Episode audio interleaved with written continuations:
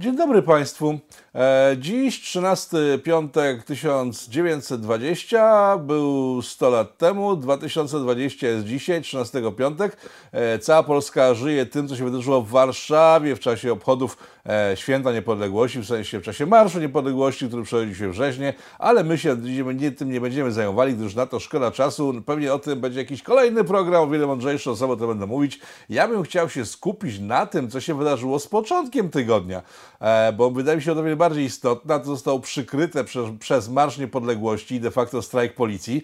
E, no Jezus, wchodzę jednak w ten Dzień Niepodległości i w to, co się wydarzyło, ale uciekam od tego, oddalam się, nie chcę o tym rozmawiać. E, coś, co wiele bardziej istotne jest od strajku policji w 11 listopada 2020 roku, wydarzyło się z początkiem tygodnia, kiedy to okazało się, że E, pan Dziwisz, czyli człowiek, który był w, no, najbliższym współpracownikiem Jana Pawła II, przez całe dziesięciolecia krył zwyrodnialców w kościele katolickim. To jest o tyle istotna sprawa, że Człowiek ten, mówię o panu Dziwiszu, e, kiedy był w przybocznym Jana Pawła II, jak się okazuje, nie dopuszczał do niego, tak przynajmniej w tej chwili to wygląda. Być może to się zmieni, z czasem się okaże, że pa, pa, papież o tym wiedział, ale na chwilę obecną wygląda to tak, że e, pan Dziwisz nie dopuszczał do papieża informacji o tym, że w kościele katolickim jest wielu zwyrodnialców na bardzo wysokich stanowiskach.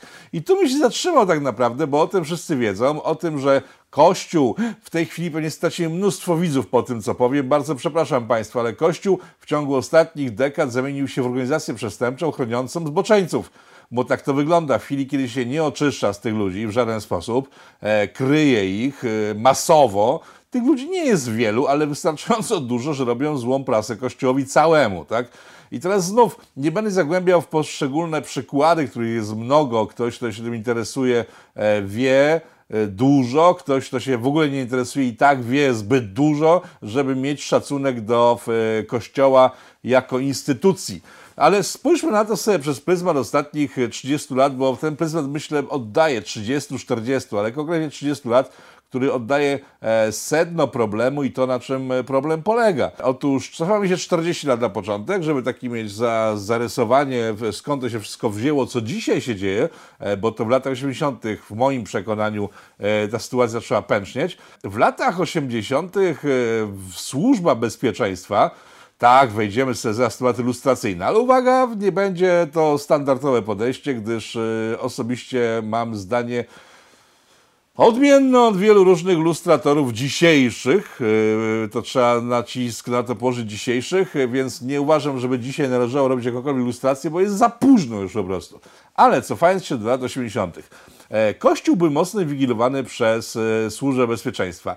Wbrew temu, co wszystkim się wydaje, a sam Kościół twierdzi, całkiem spora część księży współpracowała e, z systemem komunistycznym. Statystyki e, i Ubecji, które ujawnił swego czasu Dziennik Łódzki, e, jestem z Łodzi, w związku z tym informacje mam łódzkie czysto, ale myślę, że one się rozchodzą na cały kraj, bo ten system działa wszędzie, jak dzisiaj widać zresztą.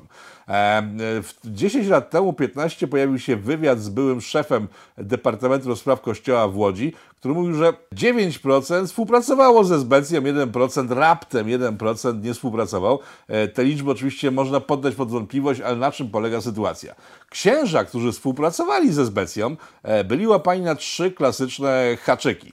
E, one mają takie określenia dość wulgarne, także przepraszam kobiety, jeśli siedzą przed monitorami. To jest korek, rozporek i worek, tak? Czyli korek, czyli księża przyłapani na przykład pijani, E, gdzieś jadąc autem i no panie ksiądz, pan, e, co tutaj teraz zrobimy z panem, trzeba będzie zabrać prawo jazdy, pan pójdzie do więzienia, ale może pan nie iść, no i często nie szedł taki osobnik do więzienia za picie.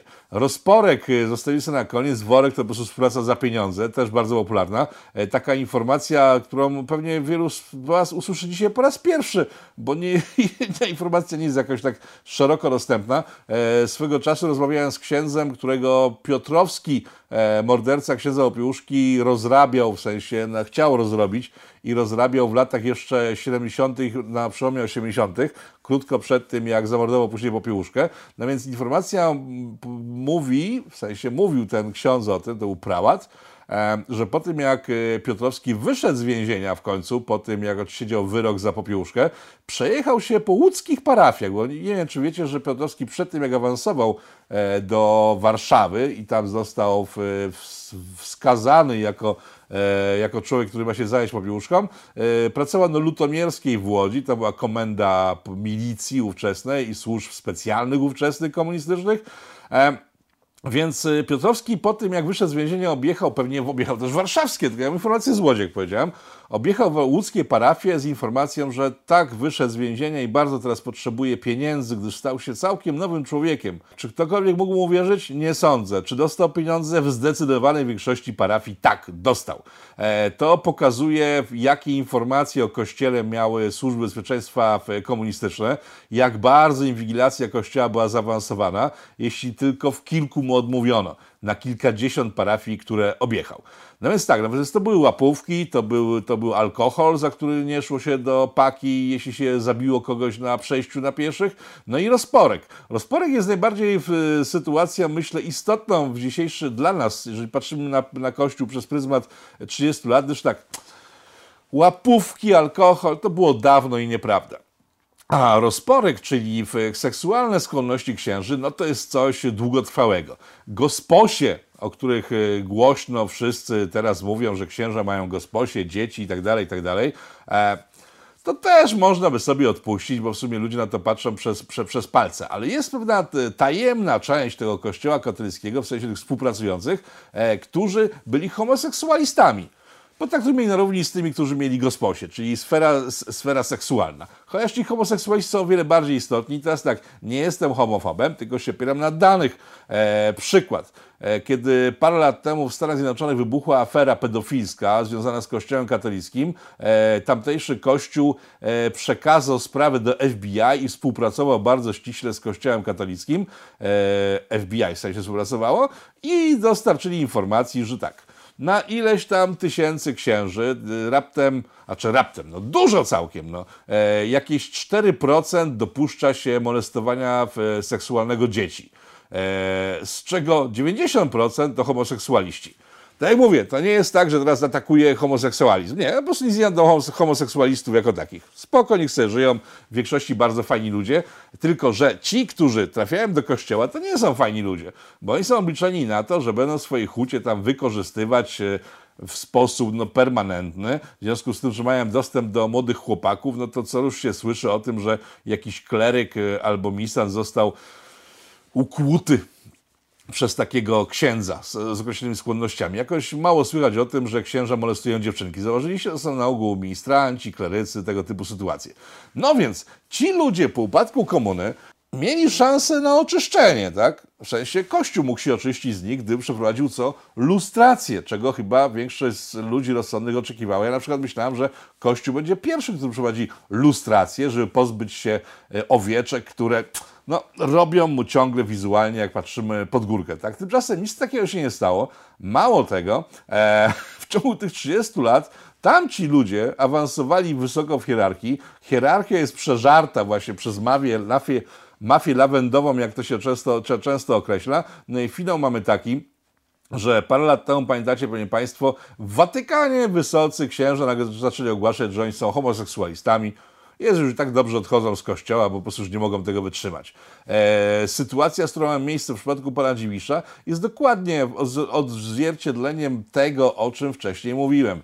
Gdyby Kościół 30 lat temu oczyścił się z ludzi współpracujących z bezpieką, a współpracowali nie dlatego, że byli komuchami jakimiś, tylko współpracowali, bo byliśmy nieuczciwymi, moralnie po prostu no, niefajnymi nagannie się prowadzącymi. Gdy wtedy, 30 lat temu, Kościół z nich się oczyścił, dzisiaj nie byłoby tematu w Polsce.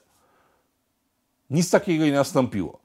Mało tego, e, pan Dziwisz, który jest wysokim hierarchią kościelnym, chronił tego typu ludzi i hierarchia kościelna chroni tego typu ludzi systemowo. Dlatego nie boję się powiedzieć, że współczesny kościół w Polsce jest, pomijając, to, jest, to są te przykłady, które podawałem wcześniej, jeśli chodzi o statystyki esbeckie, tak? 90% księży, z tych statystyk wynikało, to się powiem nie zmieniło, to są porządni księża, którzy robią swoje, e, mają swoje owieczki, nawracają niewiernych, chrzczą dzieci, robią pogrzeby, robią komunię, uczą, nauczają słowa Chrystusa, no ale jest ten niewielki odsetek, który po prostu no, robi Kościołowi podgórkę. Niestety ten niewielki odsetek znajduje się z tego, co już teraz widać jak na dłoni w hierarchii kościelnej, w najwyższych poziomach władzy kościelnej. E, czy kogokolwiek zdziwiła sytuacja z panem Dziwiszem? Mm, jeżeli tak, to radzę sobie teraz przeanalizować to wszystko, o czym mówiłem.